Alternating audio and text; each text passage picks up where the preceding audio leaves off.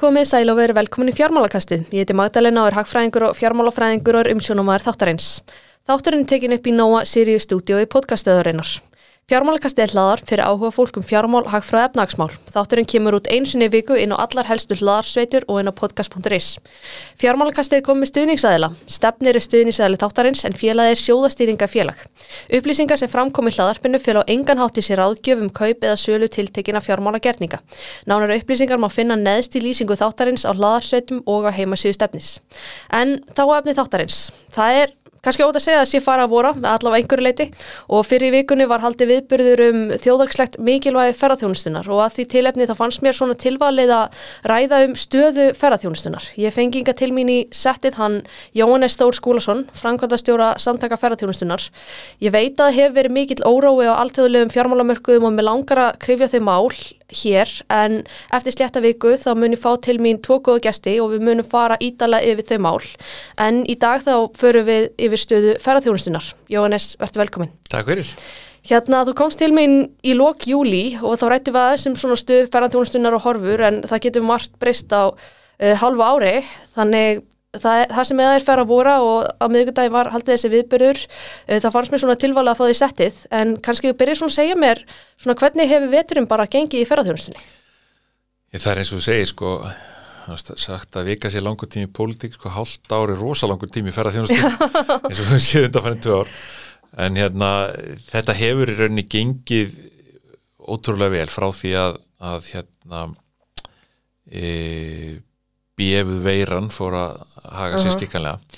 Og e, við komumst að staða aftur og við spilin hófst. Þá hefur henni eftirspurnin tekið alveg ótrúlega við sér. Uh -huh. og það kannski ætti ekki að koma okkur á óvart þess að fólk var komið með mjög svona uppsapnaða ferðarþrá og hérna e, við sjáum þá mörgum mörgum að fólk var búið að vera sapna í ferðarsjóði við sjáum til dæmis síðastlið sumar og núna inn í haustið að fólk er, var að, að E, til dæmis bara frá Þýskalandsmarkaði að stoppa hérna í þrjárvíkur í staðan fyrir tvær. Við erum að sjá lengri dvalartíma hjá bandariska markaðinu, hjá, hjá bandaríkjumannum sem kom hingað. Og e, þannig að, að það er allt saman mjög jákvæð þróun, við erum að koma út úr um, þessum vetri núna með og út í síðasta ári með miklu meiri verðmæti á hvern ferðamann sem skiptir mjög miklu máli og er það náttúrulega það sem við viljum sjá Þannig að, að, eh, og svo núna eftir áramótin þá eh, hefur februar verið mjög stöndur, mjög góð eftirspurn, þannig að mm. við erum stutt frá 2019 tölum, þannig að mm. Það er óvægt að segja að hún sé farin að, farin að skriða aftur eftir COVID. Al, algjörlega já. og við erum frekar að horfa á vandamáli nýru á afkastahliðinni, frekar heldur en, heldur en eftirspurninni. Mm -hmm. Eru þið farið svona að sjá hvernig sumarið mun ganga eða eru þið með svona einhver spár varandi það? Já, ég held að eftirspurnin verður mjög góð allt þetta ár og og uh, við vonumst til þess að þetta muni að eftirspurning verði mjög sterk alveg inn í höstið, oktober, mm. november og, og góð, góð jólavertið þannig að, að ég held að við getum bara lofað góðu ferðarþjónustu ári. Einmitt, það er frábært, en játna, eins og ég kom inn á þann, þá var haldinn viðbyrður á miðugundaginn, getur svona sagt mér aðeins frá honum og hverjir heldu, heldu erindi? Já, þetta var þess að ráðstefnaði þjóðarslegt mikilvægi ferðarþjónustu sem var haldið í Kaldalóni hörpu á miðugundaginn og þar voru svona, var þetta skoðað frá, frá ymsum hliðum. E, Ásker Jónsson Sælabankastjóri e, held erindi það sem að farið yfir svona breyðu línutnar í, í, í um þjóðarsleitt mikilvægi greinarinnar. E, ferðamálar á þeirra e, tók svipaðan pól í hæðin og fór yfir e, hérna e, mikilvægi greinarinnar frá sjónarhóli stjórnvalda. Grímur Sæmundsen frá Bláalónu tók svona, ég var að segja, case study um það hvernig Bláalónu hefur fjárfest til lengri tíma og, og slípað demantinn e, á ímsa vegu sem er, er áfangastæðurinn, bæði með e, hérna, einrækstri og fjárfestingum í, í öðrum projektum, kynnti það sem það er framöndan og laði svona áherslu á það að við berum ábyrða því að, að e, e byggja þetta upp saman, e, þessa, þessi verðmæti sem áfangastæðurinn er uh, og síðan var uh, yfirmaður ferðarþjónustu teimisins hjá OECD, Jane Stacey með innlegg um alþjóðlega sambörðin þetta var afar áhugavert í heldina litið við okkar innlegg hjá SAF var síðan að kynna uh, mælaborð sem við höfum verið að vinna að undanfarin ég veit að farna 15 mánuði sem að mm. gengur út á að taka saman á eitt stað alls konar tölurgögn sem eru til ímsar svo sem sérkerslur útreikningar sem við hefum sett í það líka um það bara þetta, þessi áhrif og umsvið í nærsamfélagunum þannig að mm. það er þetta að fara þarna inn á þetta mælabor sem er staðsett á ferða, ferðagögn.is mm -hmm. og skoða allumis, tökum sem dæmi bara sveitastjórnar maður mm -hmm. í múlaþingi getur farið inn og skoðað ímsar e, tölur um það hvernig ferðarþjónasta byrtist í litla hagkerfunu múlaþing -hmm. og á Östurlandi og í samanburði við aðra landslutóðinu sveitafélag, til dæmis atvinnutekjur, skattekjur uh, komu skemmti fyrir að skipa gistináttatölur, afkomi fyrirtækja og fleira. Og þannig að það gefur svona mynd sem ekki hefur verið þetta að fá, á, fá áður á, á öðrum stað og þetta er náttúrulega erum við að gera til þess að íta undir það að gögnin séu betur nótuð og við getum gert okkur betur grein fyrir því eh, hvað er að gerast vegna þess að við getum ekki stýrt því sem við getum ekki mælt. Þegar við erum að fara í stefnumótun hvort sem að það er eh, á þessu stærra þjóðar þjóðhagslega leveli þar að segja eh, með ráðuneytum og samtökum og öðru slíku eða þá bara sveitastjórn sem er að setja sér ferðamálastefnu e, þá skiptir máli að við séum með gögn á bakvið það sem við erum að gera að því við þurfum að mæla, síðan þurfum við að taka ákvörðunum stefnu og framkvæma síðan þurfum við að mæla aftur til þess að vita hvert, hvort að það sem við erum að gera sé að skila okkur þanga sem við viljum fara og það, þessu hefur verið verulega ábútafant. Bæði á þá vegu að, að þar að segja aðgengið að þekkingunni hefur verið erfitt. Eru, það er ekki allir sérfræðingar í PX töflum hagstofunar og hérna þó að gögnin hefur verið til að þá hefur þeim samt verið e, á köplum ílla að því staði hvernig þeim er sapnað eða gallar á því e, hvernig unnið úr þeim þannig að hægt sé að nýta þau og, og hérna og hvar þau eru byrt þannig aðgengja þeim sem gott. Þannig að, að þetta er eitthvað sem þarf virkilega að skoða í ferðarþjónustinu og við erum svona að leggja okkar loða vóaskálatunum að gera þetta auðveldara þannig að þekkingin verði betri og almennar og auðveldara að komast í það mm -hmm. en sem við höfum séð það til dæmis e, varandi til og meins áfangastæðstofu höfuborgarsvæðisinn sem verið er að stopna núna að það verkefni e, það eruðu tafir á bara einfallega vegna þess að sveitafjöluðin höfðu ekki aðganga þeim gögnum eða voru ekki sammóla um það hvar ferðarþjónastan væri að liggja og hvaða umsif hún hefði og áhrif í, í þeirra sveitafjöluðum. Einmitt og eins og nefndir að ánþjók held Sælabokastjóri erendi og í hans erendi þá kom fram að ferðarþjónastan hafi mögulega vaksið og frætt á árunum 2014-2018 eh, ertu sammála því? Ég held við getum, við hljótum að vera sammála því að vöxturinn var svo hraður að ekkert samfélag held ég e, hefði geta ráðið við það hvað varðar uppbyggingu innvið á sama hraða til dæmis og e, það verður til þegar eina atvinnugrein vex svona hratt þá verður óneitina til þrýstingur ímist þrýstingur og rauningsáhrif sem að höfðu ákveðin áhrif hér á ímislegt e, í samfélaginu og við, ég held að hafi engin hvorki stjórnvöld nýja atvinnugreinin áhuga á því að sjá svo hraðan sprengjuvokst aftur. Við vitum það núna að e, það verður tölvert hröð hækkun og eftirspurninni eins og við höfum séð og vorum að tala um áðan. Mm -hmm. núna svona fyrsta árin eftir COVID við erum að rýsa aftur upp úr öldudalum en hins vegar þá vonustu til og, og ætlum okkur að reyna að stýra hlutunum í þá átt að vöxturinn verði sjálfbært til lengri framtíðar. Þannig að við séum að sjá núna kannski 1-2 ára mjög hröðum vexti þá til við erum að komast upp í svona svipaðar, hérna, eh, svipaðar ferðamannatölur og verðmætatölur og við vorum með fyrir faraldurinn og að síðan þurfum við að, að stýra hlutunum í það átt að við verðum með sjálfbæran vöxt til framtíðar en ekki tíu ára aftur af gríðarlega miklum vexti milli ára eins og við sáum á, á árunum fyrir faraldurinn. Einmitt. Hversu mörgum ferðamönnum gætu við tekið við á þess að fá neikværa aukaverkanir? Það er mjög afstæð, já, eða góð spurning en svörin við henni er mjög afstæð vegna þess að það fer allt saman eftir því hvort að þeir eru ekki tilneitt eitt rétt tölusvar við þessari spurningu. Eh, við getum sagt til dæmis sem dæmi að við vorum að taka móti held ég 2,3 miljónum ferðamanna 2018 eh, og við virtumst ráða ágætlega við það þrátt fyrir allt, það voru vissulega þrýstingur hér og þar. En í fyrra vorum við með 1,7 miljónir 600.000 færri farþega. Mm -hmm. en í rauninni tölvöld meiri afkastavandamál sem við vorum að eiga við. Og þannig að það getur verið ansi mikla breytingar sem getur átt sér stað. Og þetta skiptir rauninni máli hvort að við erum búin að byggja upp innviðina. Eh, erum við búin að byggja upp rétta innviði, erum við búin að sjá til þess að ferðamenn dreifist betur um landið heldur en þeir hafa gert á, á árunum fyrir faraldur, erum við búin að nýta uppbyggingu á seglum, erum við komið með áfangastaða eh, stýringu sem að og, ég vil aðgangsstýringu sem við þurfum að, að fara að skoða Hvernig væri best að hafa stöðum. henni að þínu mati?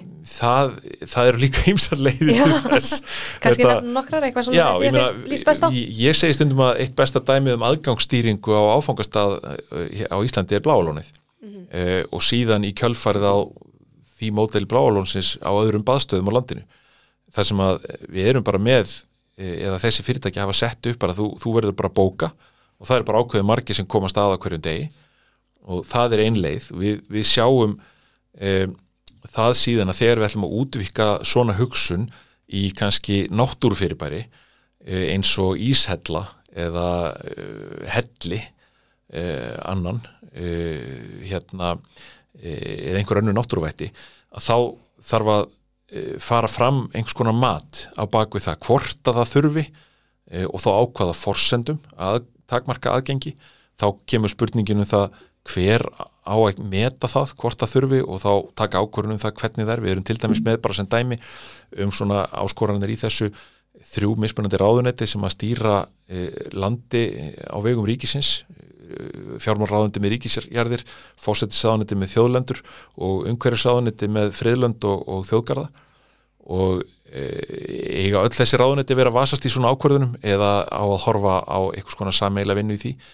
Þannig að, að hérna hvert er hlutverk þjóðgarða í þessu og svo framvegis á þeim svæðum? Þannig að það eru ímsar leiðir í þessu og ég held að við eigum þar ekki að vera að reyna að finna upp hjólið heldur að horfa líka svo litið til okkar nákvæmlega landa og landa eins og nýja sjálfland sem eru með svipaða ferðarþjónustu eins og við og, og læra af því sem þar hefur við gert e, og, og nýta þá reynslu. Þannig að þegar að kemur að því að við segjum, heyrðu, hér er staður sem að þarf að fara að skoða hvort það er ekki ómikill ágangur á og rétt að takmarka aðgengi eða, eða horfa til þess hvernig gjaldtöku sé háttað í því skyni að, að varvita staðin þá, þá erum við með ímis fordæmi sem við getum nýtt okkur við það og, og séð hvernig þau passa hér og, og þá aðlagaða íslenskum aðstæðum. Einmitt, Grímun Sæmunsen, fórstjóri Bláalónsis held líka erindi á sér aðst, eða viðburði það sem að fjalla um óslýpaða dementa þannig með svona dati og að spyrja þig sko, hverjir eru á þínum að þið helstu óslýpaðir dementar eins og til dæmis náttúruperli sem Ísland býður upp á?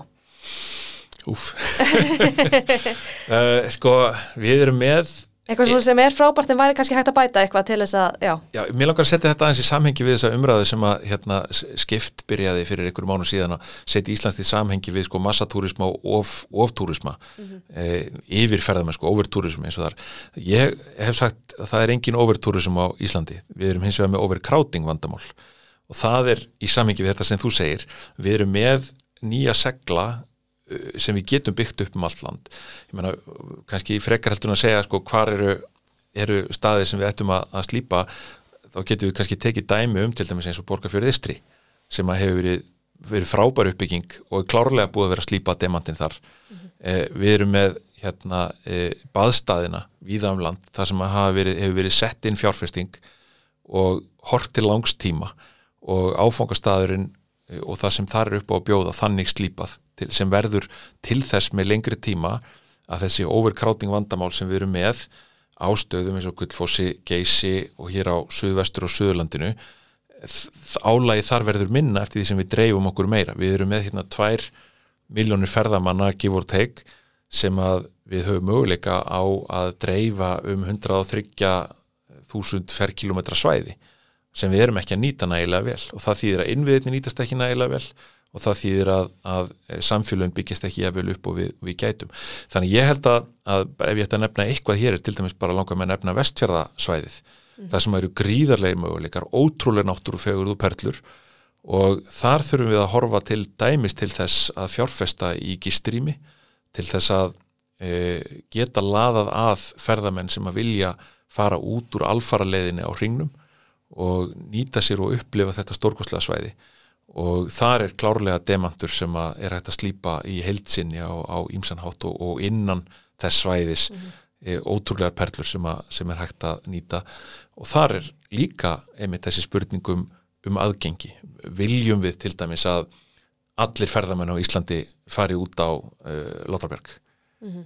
Ég er ekki vissum að það sé góð hugmynd. Þannig að þá þurfum við kannski að fara að skoða eða rauðasamt. Mm -hmm. Þannig að þarna þurfum við að skoða hvernig það er. Eigum við að um, leifa skemmtifyrðarskipum að setja fólk í land við dinjanda uh, eða eigum við ekki gera það? Eða eigum við kannski að taka gjald fyrir það uh, til þess að nýta þá uppbyggingu á svæðinu? Að þetta eru svona dæmi um spurningar sem við þurfum að hafa í huga þegar við erum að horfa til framtíðar í þessu. Hver, hvernig myndur þú segja að stendur, hvernig stendur íslensk ferðarþjónusta í alþjóðlegu samböri? Ég held við getum verið mjög stolt af því sem við erum að gera í alþjóðlegum samanbyrði. Uh, Ísland er mjög eftirsóttur áfangastæður, ef við horfum bara svona eftirspurnina, þá erum við eftirsóttur áfangastæður, við erum þekkt sem, sem uh, svona í, í almanna álitinu sem uh, nokkuð, nokkuð sjálfbær áfangastæður, við erum með stjórnkerfi sem fólk lítur til með marga hluti eins og bara jafnbretti og mannreittumál og fleira og svona örugur áfangastæður þannig að það er margt sem vinnum með okkur í þessu. Hins vegar sjáum við það þegar við horfum á til dæmis um, Travel and Tourism Development Index sem að World Economic Forum gefur út. Þar við, þar langar okkur að vera herra en við erum, mér minnir að við séum einhverstaðir uh, í kringum 20. sæti þar. Ég man ekki nákvæmlega hvar 2003. minni með einhverstaðar í, í samanbörðinum, það er náttúrulega mjög hátt ef við horfum til þess að þannig eru 117 þjóðir sem er á listanum mm -hmm. en við sjáum það hins vegar að þegar, þegar við skoðum ofan í ímsa af þessum samanbörðu þáttum sem þarna eru teknir saman í þetta til að búa til þetta ranking að í mörgum þeirra eru við neðar á, á vagninum en okkur langar til að vera til dæmis bara varðandi einmitt náttúruvend og ímislegt e, fleira þannig að, að við þurfum að horfa til svona samanbúra þátt að þegar við erum að bera okkur saman við, við eh, önnur ríki og ferða þjónust í öðru landu við meðum ekki bara taka þetta tilfinningunni einnig saman og vera mjög ánað með allt sem við erum að gera þótt að við séum að gera mjög, margt, mjög vel og hafi tekisturinn ótrúlega vel upp þá sína samanburðamælingarnar að það er ímislegt sem við getum gert betur og, það er eitt af því sem við þurfum að horfa til í, í stefnumótun og, aðgerða á allun eh, á næstu 5-10 árum. Getur við komst á það stað þar sem grein geti flutt út hugvit og þekkingu í þessum málum? Já, já, alveg, alveg klárlega og við erum í rauninni þegar að gera það. Mm -hmm. e, það er ekki annað en að nefna bara hérna, bókun sem að hérna, er núna sagt, orðin hluti af TripAdvisor. Mm -hmm. Bókun er í, í ég held sé á yngan hallað þótt við nefnum það sem dæmi um Íslandst hugvit í ferðarþjónustu starfsemi sem hafi verið flutt út. E, bókun er, er eh, kerfi sem að, sem að hérna, e, tekur stafræna sölu og tengir við, þetta er rauninni tengi bókunarkerfin. Og við hérna á mikið notað sérstaklega í afþreyingunni, ég veist að meiri hlutin af afþreyingu á Íslandi sé að hafi verið komin inn í þetta kerfi mjög hratt. Og, hérna, og þetta hefur síðan verið selt út. Og um þetta eru nokkur dæmi viðbót og við erum í rauninni að sjá þetta gerast hér að hugvitið er, er klárlega blómstra í ferðarþjónustunni. Hverjar eru svona helstu áskoranir sem að ferðarþjónustan uh, mun standa fram með fyrir að koma til misserum? Ó, það eru svo margar. Nefnum nokkrar? sko, það er til dæmis mönnunin, uh, mannekla, það er ekki sér íslenskt vandamál, við erum að Nei. horfa á það í, í samhengi við, við Evrópu, samfélagsbreytingar og, og spekilegi sem að varða á, á mm -hmm. síðustu árum Við erum líka að horfa á um, það að aðsókn er væntanlega að fara að aukast í ferðamennsku bara í heiminum og við verðum að vera tilbúin að takast á við það stekkun millistjættarinnar til dæmis í veröldinni og færsla meiri hluta millistjættar uh, í heiminum frá bandaríkjum á Európu og til uh, nýri innríkja sem er að verða til eins og Einlands, uh, Kína, Suðastrassi og, og, og Afrikuríkja það er engin ástæð til annars en að ætla að það fólk sem er að koma inn í miðstéttina í þessum löndum á næsta áratug muni, eða næstu tveimur áratug muni haga sér öðruvísi í samhengi við ferðamennsku heldur en þau sem komu inn í á síðustu tveimur áratugum þar sem að ferðamennska ferðamennu fjölgaði tvöfalt eða um 100% seg í heiminum á 20 árum og við verðum að skoða hvernig við ætlum að takast á við þá þróun mm -hmm. um, ég held að, að við getum ekki annað en nefnt líka umhverfsmálinn og lofslagsmálinn mm. e, og, og sjálfbærni e, íslenska ferðarþjónustu í því tilliti e, og samkefnishefni. Við erum að horfa núna til dæmis fram á, á þessa baróttu við e, lögjöf Európusambansins sem að getur sett okkur verulega stólinn fyrir deinar mm. í því móteli sem við höldum uppi og þar er raun ekki verið að tala um það við sem er að skjóta okkur undan einhverju heldur mun bara útblásturinn í raun og veru færast til, hann hverfur ekki það sem gerist er það að við setjum, setjum eftir þannig að það er gríðarlega mikilvægt mál Einmitt. þannig að það er að mörgu að higgja Einmitt, þú nefndir að skort á fólki, er skortur á svona sérhæfu eða, eða mentuðu fólki í ákvæmna stuður í ferðarþjónustunni? Já, það er það það er allt frá bara rútubílstjórum öguleðsögumönnum mm -hmm. sérhæðum leðsögumönnum kokkum og þjónum mm -hmm. um, mikið til af, það er alls konar tæknifólk og fleira sem að mentað, mentað fólk í viðskiptagreinum, ferðamálafræð og fleiru. Og það sem er kannski, þetta er ekki einskorða við Ísland eins og ég sagði, er, það er tölvert, ég held að tíunda hvert starf í Evrópu í ferðarþjónustu er löst, þannig að það vantar um, um miljón manns núna síðastliðið sumar, það vantar um 1,2 miljónir í, í, í afstarfsfólki í ferðarþjónustu í Evrópu, þetta voru um, um 8 eða um 4% starfa sem voru laus hér síðastliðið sumar mm -hmm. og, og þannig að við erum í aðeins betri málum er Evrópu held, en það er sama, það sem að er e, það sem að vekur í rauninni miklar áhyggjur hér í þessu er það þegar að við reynum að spyrja fyrirtækinu um færðni þörfina inn í framtíðina þá eru e, ekki nefnum um þriðjungur eða þá eru um, um rúmlega þriðjungur ferðjónstfyrirtækin sem segir að þetta muni valda verulegum hömlum á vexti fyrirtækjana næstu fimm árin og að e, Íslenska altunlíf og, og ferðarþjónustu fyrirtæki sérstaklega eru bara mjög vantrúð á það að E, íslest mentakerfi eins og það er uppbyggt í dag mm -hmm. geti sint þessari færniþörfu uppfyllt hérna, það, sem að, það sem þörfir á mm -hmm. og það er staða sem að verður að taka til mjög rækilegra skoðunar hér á landi um, og verður að skoða þá í samhengi við það líka við erum lítið samfélag og þurfum á því að halda að fá fólk hinga eðlendis frá til þess að starfa og setja stað í samfélaginu. Og ekki bara farandverka fólk, þetta er bara fólk sem kemur hinga og sér stað og verður hluti af íslensku samfélagi og starfar hér og kemur með þekking og færni inn sem við þurfum á að halda. Og e, það auðgar samfélagið, auðgar aðtunlífið en við megum ekki bara treysta á það, við verðum að styðja, styrkja stóðunar hér heima. E, og það er gríðarlega mikil þörf á því að þetta sé tekið förstum tökum. Mm -hmm. Hversu stórt hlutverk myndur þú segja að innlendu ferðamenninir hafi í íslenski ferðarþjónustu? Spiluðu kannski líka hlutverki í COVID? Já, þeir, þeir gerðu það og ég held að á, á COVID árunum núna þessum svona íslensku ferðamannasumurum eins og þú voru kallið þá, þá komust Íslandingar að því stórum hluta að ferðarþjónust á Íslandi er ekki eins og þegar að þeir voru í gamla daga að ferðast um með papp og mömmu og stoppuðu bara einhverstaðar og fengu sér hambúrgara það er hægt að fá núna frábæra gæða þjónustu um allt land bæði hérna gistingu, afþreyingu e, veitingar og, og annað. Og allar í rauninni þessar grunn stóðir ferðarþjónustar og orðnar gríðarsterkar.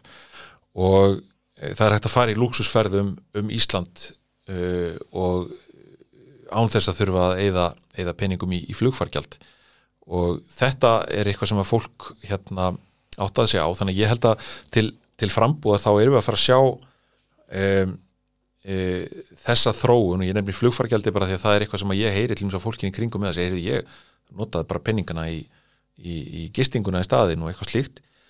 Og ég held að við séum að fara að sjá uh, áf núna fram í tíman að það verði meira að ferðalegum Íslendinga innanlands, þetta hafa verið í kringum uh, það sem við erum með svona tæplega fjórðung eða um fjórðung að ferðamennskunni á Íslandi hefur verið innlendferðamennska sem er algjörlega öfugt við til dæmis Norrek, þar sem að tveira hverjum þremur ferðamennum eru innlendir mm.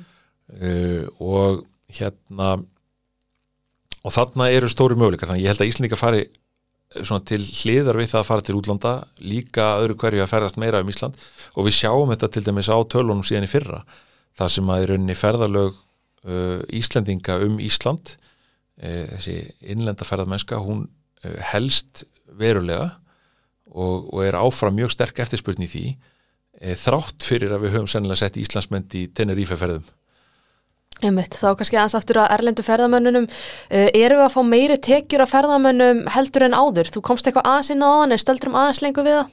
Já, við erum að fá meiri tekjur af ferðamönnum heldur en áður og við erum að sjá það til dæmis núna ef við vísum bara í síðasta ár þá erum við að sjá að e, ferðamennir að koma hingað og stoppa í lengri tíma, þeir eru að kaupa sér fleiri gistinætur.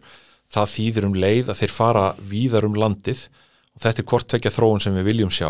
Verðmættin eru þá skilin eftir í sveitafjölugun lengra frá höfuborgarsvæðinu í auknumæli og þetta er mjög jákvæð þróun. Og við sáum það að, að verðmætti á hvert ferðamann að meðaltali jökust alveg gríðarlega mm -hmm. um, miða við uh, fyrir faraldurinn og það virðist ætla að, að halda sér mm -hmm. núna áfram. Við vitum það auðvitað eru ferðasjóðir fólks ekki til kannski eins lengur og þeir sem voru uppsapnaðir eftir COVID en við erum að sjá hins vegar til dæmis að það er engin bilbugur á bandaríska markanum að vera hérna í, í lengri eh, tíma heldur en fyrir faraldur og það er þá þróun sem við erum að ná árangri með já, til dæmis markvísi markasetningu uh, sem beintir að þeim hópum sem að hafa fjármunni á milli handana og eru tilbúinir að koma hingað og, og verja sínu fjö á áfangastað sem er afar dýr í, í alþjóðlegu samengi.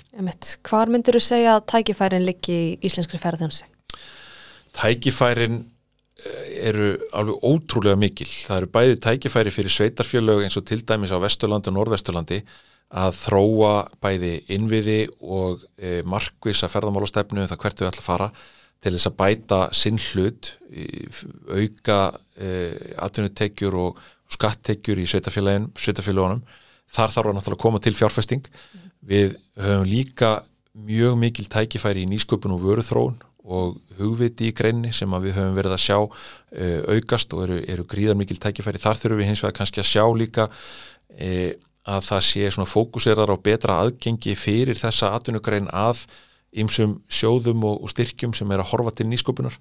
Uh, það, það hefur ekki verið nægilega gott. Um, þannig að til að nýta þau tækifæri þá þarf að, þarf að horfa til þess líka. Um, það eru gríðarlega tækifæri fólkin í því að auka verðmæti af hverjum ferðamanni mm -hmm. og, uh, og þar þarf mjög margt að fara saman uppbygging innviða uh, hæfni uppbygging starfsfólks uh, og mannöðs rannsóknir og gagnaöflun sem við getum byggt ákvarðanir á markasetning sem að vinnur með þessu öllu saman uppbygging innviða og áfangastada víða um land með samstiltu samstiltri vinnu á þessum sviðum þá getum við aukið þjóðaslegt mikilvægi greinarinnar án þess að hún riðji frá sér öðrum atvinnugreinum sem er gríðarlega mikilvægt. Og þannig getur þetta allt spila saman. Þar erum við að fara að sjá aðrar hugverkagreinar hugverka inn að fleira koma í auknum mæli inn e, í, í, á næstu árum sem að muni jafna út þennan leik. Þannig að ferðarþjónustan verður ekki, ég held að sé engin hægt á því að hún muni e, springa út og verða of stór. Það er engin fátaktargildra í þessari, þessari e, atvinnugrein hún verður aldrei eins og ferðarþjónustæði í Tælandi eins og einhverjir hafa áhyggjur af hegir í stundum. Þetta er bara allt öðruvísi hlutir sem við erum að, erum að gera hérna og byggjum á öðruvísi grunni. Til dæmis bara varandi réttindi launafólks. Mm -hmm. og þannig að ég held að, að það séu þessi, þessi atvinnugrein hefur síðan kannski síðast sem ég langar að nefna alveg gríðarleg tækifæri fólkin í þessari atvinnugrein hvað varðar uppbyggingu lífskeiða fólks um allt land sem við höfum séð undarfarið, þetta er, er besta byggða aðgerð sem hefur komið fyrir uh, þjóðina. Algjörlega sjálfsbrottin. Og nú þurfum við einfallega að hafa gæfu til þess að stýra þeirri þróun þannig að lífskeiða uppbyggingin verði áframhaldandi og við höld og, og og við náum henni út um alland, ekki bara á söður og söðvestulandi, heldur um alland. Við náum niður ástíðasöflunni, náum að, að byggja upp samfélagin um alland þannig að þar verði fjölbreytt atvinnutækifæri og gott að búa. Einmitt. Það er kannski stóra tækifæri sem að ferða þjónast að felur í sér.